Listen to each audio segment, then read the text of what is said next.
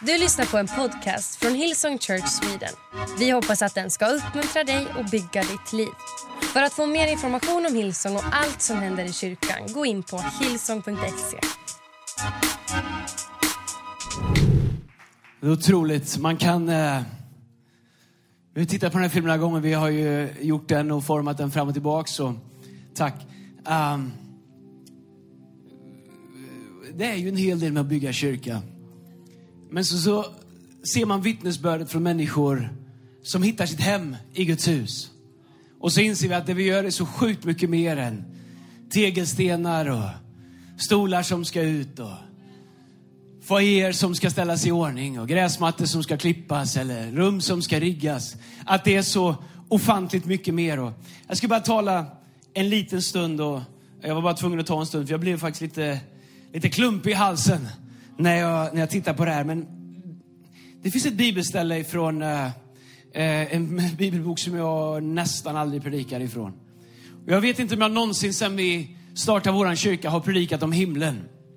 Och jag, vi har inte alltid i världen att gå in på det idag, men, men jag har funderat mycket på himlen det sista. Inte så att jag har tänkt att, att det... men jag tänker på himlen. Och äh, jag, jag lyssnade på en lovsång äh, sista veckorna som heter Homecoming och som handlar om himlen. Hur, hur det blir en gång. Och så läste jag, har jag läst ifrån äh, Uppenbarelseboken kapitel 21. Och så det här temat som vi har den här månaden, här för att stanna. Om Guds hus. Och det kommer egentligen från funderingar som vi har haft och funderingar som, det som jag har pratat med teamet om att eh, vi, vi gör allt vi kan för att bygga upp kyrkan efter en pandemi, men samtidigt ska vi veta att Gud har alltid hållit sin hand över kyrkan. Det är inte vi som håller det här i våran hand, utan Gud i 2000 år, han har hållit sin hand över kyrkan. Han håller sin hand över kyrkan i Kina, när de får gömma sig i, i, under jorden. Han håller sin hand under förfölj, över förföljelsen i Nordkorea. Han håller sin hand i delar av Afrika där kyrkan är förföljd. Han har hållit sin hand när lärjungarna åkte i fängelse, när apostlarna dödades. Och man har alltid liksom tänkt att nu, är det, nu hänger det på gärdsgården, men det har alltid varit Gud som håller i sin kyrka därför att Gud har en plan med det. Och man läser Uppenbarelseboken kapitel 21 så, så, så ser man Guds plan om den fullbordade, den fullbordade kyrkan. Och det står i Uppenbarelseboken 21 så här. Sedan såg jag, det, det är Johannes som skriver det här, han är på ön Patmos. Eh, han är fånge där, det är slutet av hans liv. Där han får ta emot det här budskapet och se den här synen. När eh, Herrens ängel kommer, så Johannes, en av två i Bibeln som det står att Gud älskade, det är Daniel och, eh, och, och Johannes. Eh, men Johannes han berättar om sin syn och så avslutar han sista delen i Bibeln i Johannes uppenbarelse så skriver han, se jag såg en ny himmel och en ny jord. För den första himlen och den första jorden var borta och havet fanns inte mer.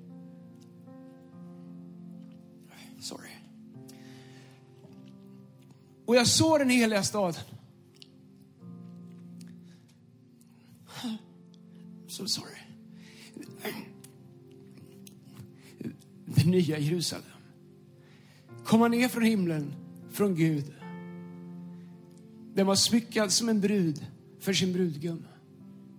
Och jag hörde en stark röst från tronen säga, se, nu har Gud sitt tält bland människorna.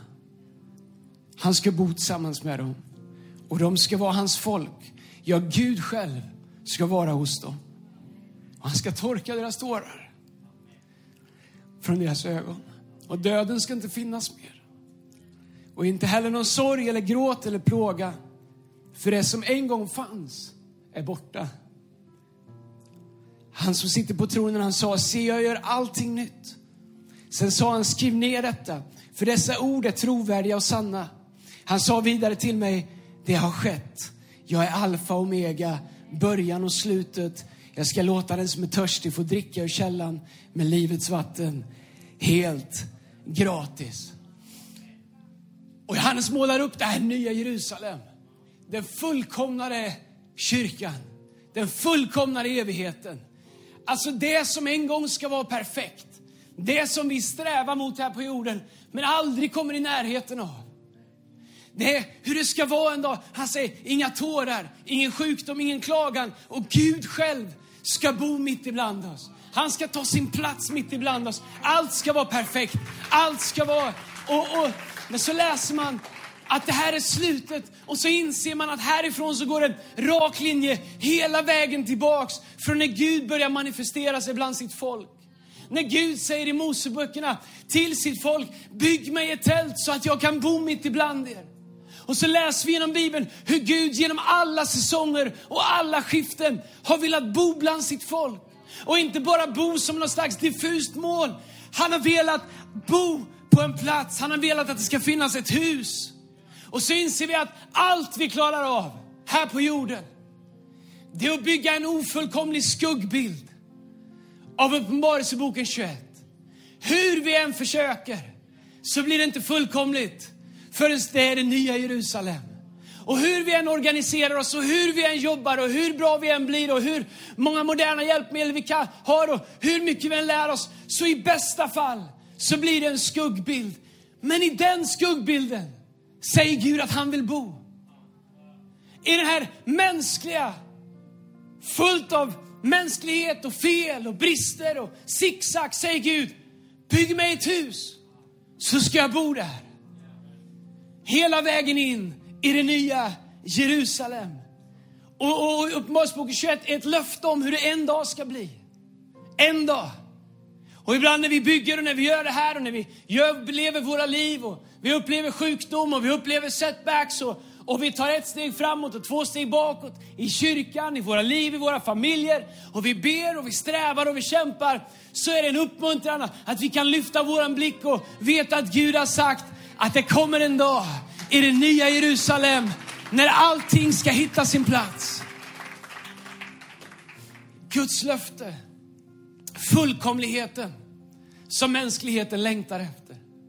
Men också medvetenheten om att den finns inte förrän Kristus själv möter sin brud och bygger det nya, det som han kallar oss hem till.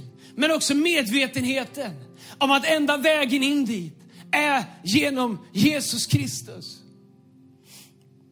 Jag var på en samling för pastorer i fredags och uh, vi pratade om lite olika saker och en av, jag fick en fråga om varför vi döper så mycket människor. Och jag vet inte om det är mycket, det är fler odöpta än döpta, men jag tror på dopet. Och vi pratar om tekniker och, och man frågar om vad är hemligheten och hur gör ni, hur är struktur? Och jag skulle försöka förklara det där och i, jag, jag tog sats och sen så var jag tvungen att tystna. För i grund och botten när jag tänker efter, varför är det som vi döper människor? Varför är allting så viktigt? Djupa sett så är det för att jag i djupet av mitt hjärta tror att utan Jesus så går människor evigt förlorade och kommer aldrig få se det här löftet. Det finns ingen väg, det finns ingen kör man kan sjunga i, det finns ingen, ingen politisk samling, det finns ingen samsyn som kan ersätta det faktum att utan ett personligt möte med Jesus Kristus så tror vi att människor går evigt förlorade. Men genom Jesu nåd och tron på honom och bekännelsen av honom så kommer människor en dag få uppleva fullkomligheten av vad Gud har tänkt att livet ska vara. Och vilken te teknik, vilken trend, vilken mål, vad som än är rådande för evigt så spelar det inte så stor roll. Därför att i essensen om vi tror att utan Jesus så kommer de människor aldrig få uppleva det här. Utan Jesus kommer människor aldrig få uppleva hur det är att leva utan sjukdom, leva utan gråt, leva utan sorg. Vårat samhälle, vi kommer att göra vårt bästa för att det ska bli bättre. Men vet vad Bibeln säger? Det kommer aldrig bli helt förrän i nya Jerusalem. Betyder inte att vi, inte, betyder inte att vi ger upp, men vi vet att lösningen är att människor lär känna Jesus. Så säger Jesus, Fast han kommer till en värld som är brusten. Från första ögonblicket när Mose bygger upp en tältet där Gud möter och Bibeln säger att där bor Gud. Och Bibeln säger att Mose gick dit för att tala med Gud så som en man talar med en annan man. Och Gud bor där och härligheten är över där. Molnet är över där, elden är över där. Och man ser att här bor Gud. Gud är inte någon flummig ism, han är inte någon flummig filosofi, han är inte någon flummig, liksom, jag tycker, jag känner för mig. Han är som ett gräs, han är som en sten, han är som ett träd. Nej, Gud, han var i tältet. Hela Israels folk ställde sig upp när Mose kom ut ur tältet. Därför att härligheten var över honom. Därför att man visste, här bor Gud. Och kallelsen till kyrkan, kallelsen, sorry om jag är lite exalterad, men kallelsen till Guds hus är inte en flummig samling av hit och dit. Kallelsen till kyrkan är att världen ska säga, där bor Gud. Titta på dem! Se på husen, där bor han. Om du är sjuk, gå till dem. Om du är ensam, gå till dem. Där bor Gud. Och så har Gud sökt att få bo bland sitt folk för att hela världen ska se från första början. Så kommer Jesus, så säger han så här ska ni be. Vår far du som är i himlen. Jag kan nästan gamla. Fader vår som är i himlen. Helgat vare ditt namn. Låt ditt rike komma. Som det är i himlen. Hur är det i himlen? Uppenbarelseboken 21. Som det är i himlen, så också på jorden. Så säger han till att vårt jobb, det är att ta det här riket som vi väntar på och etablera och bygga det på jorden. Samtidigt inser vi att det vi i bästa fall kan uppnå är en ofullkomlig skuggbild av det som väntar. Men det hindrar oss inte. Du förstår, Jesus han säger att himmelriket är nära. Himmelriket är nära de som längtar. Och i Matteus 5 så, i, i bergspredikan säger han, himmelriket är som, himmelriket är nära. Saliga är de. Och så, så ger han oss en bild av vad som finns. Och han säger redan nu men ännu inte. Och så lever vi med den här diskrepansen att allt som finns i himlen är, är, finns redan här men ännu inte. Och hela liksom Jesu undervisning är redan nu men ännu inte. Redan nu är det här men en dag ska det fullkomnas. Redan nu har ni tillgång till allting inom Jesus Kristus. Men en dag så ska ni få se det manifesteras och så lever den spännkraften. Kyrkan en ofullkomlig skuggbild av det som en gång blir perfekt. Jag tänker att det är som arken. Du vet, eh, för alla oss som gillar att ha lite space så måste arken varit hemsk. Alla oss som är lite halvintroverta och behöver liksom få vårt eget rum lite nu och då så måste arken varit tuff alltså. Jag tänker, de var ju där inne länge. Du vet, de åt ju säkert när man, the walkers in must come out. Och det var säkert rörigt där inne och det var säkert någon mygga som var arg för att någon elefant trampade på dem eller någon du vet anka som tyckte att eh, strutsarna tog för mycket plats. Jag vet inte hur det var. Men det enda jag vet är en sak att det var i alla fall bättre att vara i arken än vad det var att vara utanför arken. Och arken kanske med alla deras komplikationer var ändå bättre därför att det innebar räddning. Och jag tänker att så är kyrkan. Det är inte perfekt, den är inte färdig, kommer aldrig vara så. Men det är min själ bättre att vara i den det är min själ bättre att tillhöra Kristus än vad det är att inte göra det.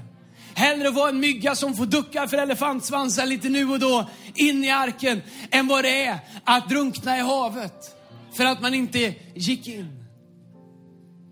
Men i det här ofullkomliga, man får läsa några bibelord, så har Gud valt att uppenbara sig.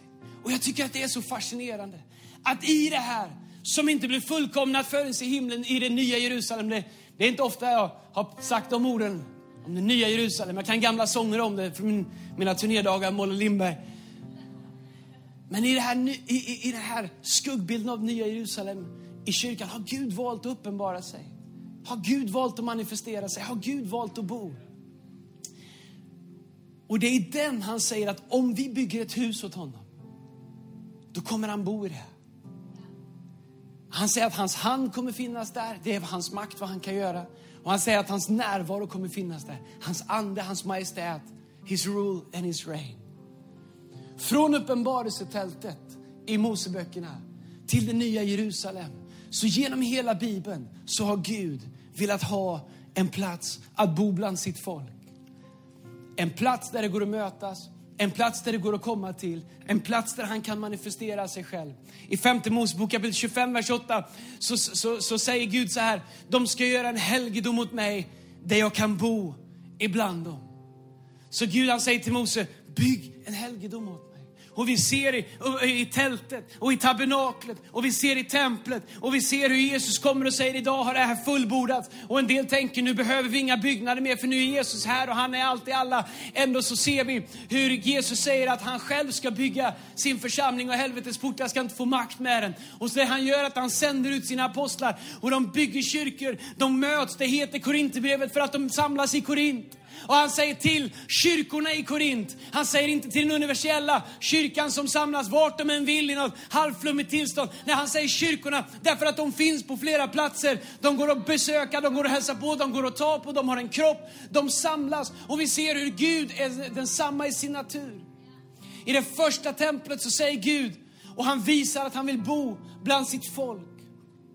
Det fysiska tabernaklet är en förutsättning för Guds andliga närvaro. Så står det i femte Mosebok kapitel 12, några kapitel innan. Jag älskar det här, vers 4 så står det, ni ska inte tjäna Herren, er Gud, på deras sätt. Han säger ni ska vara annorlunda. Var annorlunda. Ni ska inte tjäna Herren, er Gud, på deras sätt. Utan den plats som Herren, er Gud, utväljer bland alla era stammar för att där fästa sitt namn. Denna hans boning ska ni söka och dit ska du gå. Dit ska ni föra era brännoffer och slaktoffer, era tionde, era händers bidrag, era löftesoffer och frivilliga offer och det förstfödda av era kor och får. Jag tycker det är ett så fascinerande bibelord. Det här är, jag fick gå tillbaka till 98 års översättning. Jag tänkte man får gå hela vägen till 17 års översättning och det ska bli riktigt starkt. En del av vet inte vad det är, men det är vad det är. Men här ska det inte stå att, utan en plats där Herren, er Gud, utväljer bland era stammar för att fästa sitt namn. Och så när vi läser så inser vi att Gud, han utväljer åt sig en plats där vi ska bygga hans hus. Tack gode Gud för den här platsen. Tack gode Gud för vår plats i Göteborg. Tack gode Gud för det som just nu är Herrens plats i city, Clarion Sign. Tack gode Gud för det som är Herrens plats i Jönköping, KFUM. Tack gode Gud för det som är Herrens plats i Örebro, i Kulturhuset där vi är nu. Ah, att Gud är på en plats, han utväljer en plats. Och så säger han att där vi, Herren utväljer sin plats och där vi ger våra offer, där ska Herren fästa sitt namn. Att där vi kommer för att offra, där vi kommer för att tillbe, där vi kommer för att tjäna, den plats som Herren utväljer, där ska Herren fästa sitt namn. Och när jag läste det så tänker jag, jag vill inte vara på någon, jag vill inte vara någonstans. Och jag vill inte bygga någonting som Gud inte fäster sitt namn på. Du vet, vi heter Hillsong, men det är helt ovidkommande. Det som är viktigt är att Herren fäster sitt namn på det som vi gör. Men jag inser också att Gud fäster sitt namn där vi är våra offer. Och vi ser den här videon på, vi firar 15-årsjubileum i, i, eh, om, eh, om några, några veckor, tre veckor tror jag, det ska vi ha ett stort 15-årsjubileum. Men jag inser också att vi bygger vidare här i norra på, på, något som är, eh, på något som är mycket längre än 15 år. Något som vi har fått förtroende att fortsätta förvalta och bygga vidare i. Jag tänker i Göteborg som är över 100 år. Vår resa är 15 år, men vi får förmånen att bygga vidare på en grund som så många andra människor har lagt och så stora uppoffringar som har gjorts tidigare. Men jag inser också när jag ser videon på några av de lokaler vi har varit i på 15 år, att det faktum att Gud gav oss en uppenbarelse innan vi ens faktiskt förstod vad det var, av kraften i en plats, av kraften i ett rum, av kraften i att samlas, av kraften i att finnas någonstans. Och vi, vi förhoppningsvis kanske kan prata om det mer om några veckor. Men vi tror att det finns en plats i alla våra städer som inte bara är en packa upp och packa ner. Utan att det faktiskt finns en plats när vi bestämmer oss för att ta saken i egna händer och tro om det och ge till det och, och, ge, och föra in vårt offer i det. Du vet, det är som att Gud beskriver ett Heart for the House-offer. Här när han säger brännoffer, slaktoffer, det kan ni hoppa över. Men tionde era händers bidrag, era löftesoffer och frivilliga offer och det förstfödda våra kor och, och, och, och, och, och får om ni har några. Men där ska Herren fästa sitt namn. Jag tänker att medan vi är på väg mot det nya Jerusalem, att vi får bygga det här. Att vi får bygga Guds hus. Hur ska vi lösa allting i samhället? Ja, det blir säkert någon mer reform någonstans. Men jag kan säga vad som i Bibeln har gjort störst skillnad i samhället. Det är när människor har bestämt sig för att bygga en plats åt Gud. Där Gud själv kan bo mitt ibland dem. Där Herren själv kan fästa sitt namn. Och där människor säger, där bor Gud. När de som tillhör hans namn, när de som är hans folk förstår vad det nya förbundet är. Börjar förstå vad andens frukter är. Börjar förstå kraften i kärlek. Börja förstå kraften i generositet. Börja förstå kraften i förlåtelse. Börja förstå vad Jesus, eller när Paulus säger att om var och en ser sig själv som sin nästa tjänare, så får vi alla ett rätt förhållande till varandra. När de som är hans folk, när de som bär hans namn inser att vi är här för, för att bli använda utav Gud, för att bygga det bästa vi kan av det som en gång kommer att bli fullbordat. Och så läser vi där det, står om, att, eh, att, att, om den nya Jerusalem, att den är smyckad som en brud för sin brudgum. Och hur Gud en dag ska komma tillbaks. Och Lina predikade så fantastiskt om det för någon vecka sedan. Hur anden och bruden säger kom. Och hur vi är bruden som Kristus en dag ska komma tillbaks från. Och jag vill att han ska komma till en brud. Den kanske inte är perfekt, men den kan vara helig. Den kanske inte har gjort alla saker rätt, men den kan vara överlåten. Vi kanske inte alltid har vetat vad som är bäst att göra, men vi har alltid gjort allt vi kan för att göra hans namn älskat, känt och trott. Och för att bygga ett ställe där Gud säger, här ska jag fästa mitt namn. Här vill jag bo för generationer, för omgivningen, för allt som är, för städer, för samhälle, för ståthållare och för bönder, för, säga för borgare och bönder. Där hela världen kan se att här bor Gud. Det här är bara sten och puts och betong, men här bor Gud. Här går det att finna Gud. Hit kan du komma. Och jag ser överallt i hela Sverige hur det växer upp byggnader där Herren själv fäster sitt namn på dem. Och där omgivningen säger, där bor Gud. Jag inser att han bor i våra hjärtan. Men han vill också bo mitt ibland oss. Och om vi bygger det så kommer Gud att bo i det. Det är min största och djupaste drivkraft. Intill en dag när det nya Jerusalem ska fullborda allting. I Jesu namn. Vi ska alldeles strax fira nattvard. Men jag skulle vilja skicka med en utmaning till dig inför årets Heart for the House. Så mycket saker vi kan prata om och kanske kommer att prata om, om vad vi drömmer om och vad vi vill göra. Du vet, på många sätt så är det samma sak som vi alltid har drömt om. Generationer, byggnader, opportunities, nya och vi kommer att prata om det. Men djupa sett i Heart for the House för mig. Så vi vet inte alltid vad varje år kommer bli. Ingen såg den här tiden komma som vi gick in i. Men tack gode Gud för att vi hade bestämt oss för att bygga en grund som höll redan långt innan. Men för min del och för min och Linas del, och vi pratat om det här bibelordet i dagarna hemma ifrån Uppenbarelseboken 21. För min del, enda stora anledningen till Heart for the House för min del. Med allt praktiskt och bra idéer som vi har vill göra. Jag vill bygga ett hus där Herren kan fästa sitt namn. Jag vill bygga ett hus där Gud säger, där vill jag bo. Jag vill bygga ett hus där generationer växer upp och säger, där vill jag bo. Där kan jag vara. Där finns Gud. Där samhället vänder sig till det man säger, Gud verkar bo hos er. Som vi läser om i Moseböckerna, som vi läser om i profeterna. Hur hela samhällen vänder sig till Guds hus och säger, det verkar som att Gud bor hos er. Inte för att vi är bättre. Nej, i bästa fall så är vi en ofullkomlig bild av det som en gång ska bli. Men trots det så bor Gud hos oss. Och min bön är att du skulle ta med det här kuvertet hem och fråga Gud, Gud, hur ska jag bygga ditt hus? Gud, vilka offer ska jag bära in? Vilka får och kor och löftesoffer och frivilliga gåvor vill du ha mig? Vad ska du lägga på mitt hjärta? Vad ska du lägga på min familjs hjärta? Gud, hur vill du använda mig för att bygga ett hus som du kan fästa ditt namn på? Därför att Bibeln säger att där vi bär fram våra gåvor, där ska Gud fästa sitt namn. Min bön är att du tar med dig det här hem. Ber, frågar, låt anden leda dig. Och jag tror att vi ska se Gud göra mirakler i Jesu namn. I Jesu namn.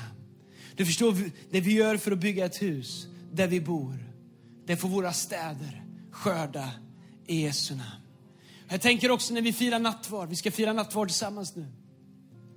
Vi ska alldeles strax få komma fram och ta emot nattvard och vi kommer även ha förbön för den som önskar det. Vi har tid idag för förbön och lovsång. Men jag tänker när vi firar nattvard så är det allt det som Jesus säger. Han pratar om i, i Lukas kapitel 15, han säger som jag har längtat efter att få dela den här stunden med er. Där Paulus pratar om i, först, i första Korinthierbrevet kapitel 12 när han säger, var, när ni, varje gång ni gör det, gör det som en påminnelse av mig. Men jag tänker också, och jag tror, jag läser, inte bara vad jag tänker, det är inte så viktigt, men jag läser att vi, när vi firar nattvarden så påminner vi oss om att Gud bor här hos oss. Men vi påminner oss också om ett förbund som vi har, om det nya Jerusalem, ett förbund som vi har, om det som en gång ska komma. Så kanske du är här idag och du säger, well, jag är inte riktigt där, att det inte finns några tårar än. Men när du tar brödet idag så kan du säga, jag är en del av den kropp som en dag ska hämtas till en plats där det inte finns några tårar, till en plats där ingen mer lider, till en plats där mina böner har fått ett svar. Varje gång som du dricker av bägaren så kan du proklamera för dig själv och säga att det blod som rann på Golgata kors, det rann för mig också. Jag är delaktig i Kristus. Jag har del av det nya förbundet. Vi hör samman med Gud och vi hör samman med varandra. Du får inte syndernas förlåtelse genom att äta och dricka det här. Nej, det får du genom tro på Kristus och rättfärdiggörelse. Men varje gång som du äter av det här, påminn dig om allt vad du har i Jesus Kristus. Ska vi stå upp tillsammans så ska jag be för brödet och vinet. Sen är du välkommen, värdar kommer visa dig att komma fram på höger och vänster sida och ta nattvarden. Och vill du så dröjer du kvar på ena eller andra sidan så du kommer se vart vi har förebedjare. Kanske är det några här idag som faktiskt skulle behöva få möta Gud. Få dricka av anden på samma sätt som du dricker av vinet idag. Jesus, jag tackar dig för ditt bröd. Jag tackar dig för din kropp som du gav för oss, Herre. Herre, jag tackar att vi är din kropp, Herre Jesus. Att vi hör samman med dig och hör samman med varandra, Herre. Herre, jag tackar dig för att du offrade dig själv, för att du tog våra sjukdomar, för att du tog våran synd. Herre, jag tackar dig för vinet, det nya förbundet, syndernas förlåtelse. Det nya förbundet i Kristus Jesus, barnaskapets ande, rättfärdigt gjorda genom ditt blod, genom ditt offer i Jesu namn. Vi tackar dig för det och vi tar emot i det i Jesu namn. Amen. Ska vi lovsjunga, fira nattvard och be för varandra i Jesu namn. Du har lyssnat till en podcast från Hillsong Church Sweden. Om du vill veta mer om vår kyrka eller om våra söndagsmöten surfa in på hillsong.se.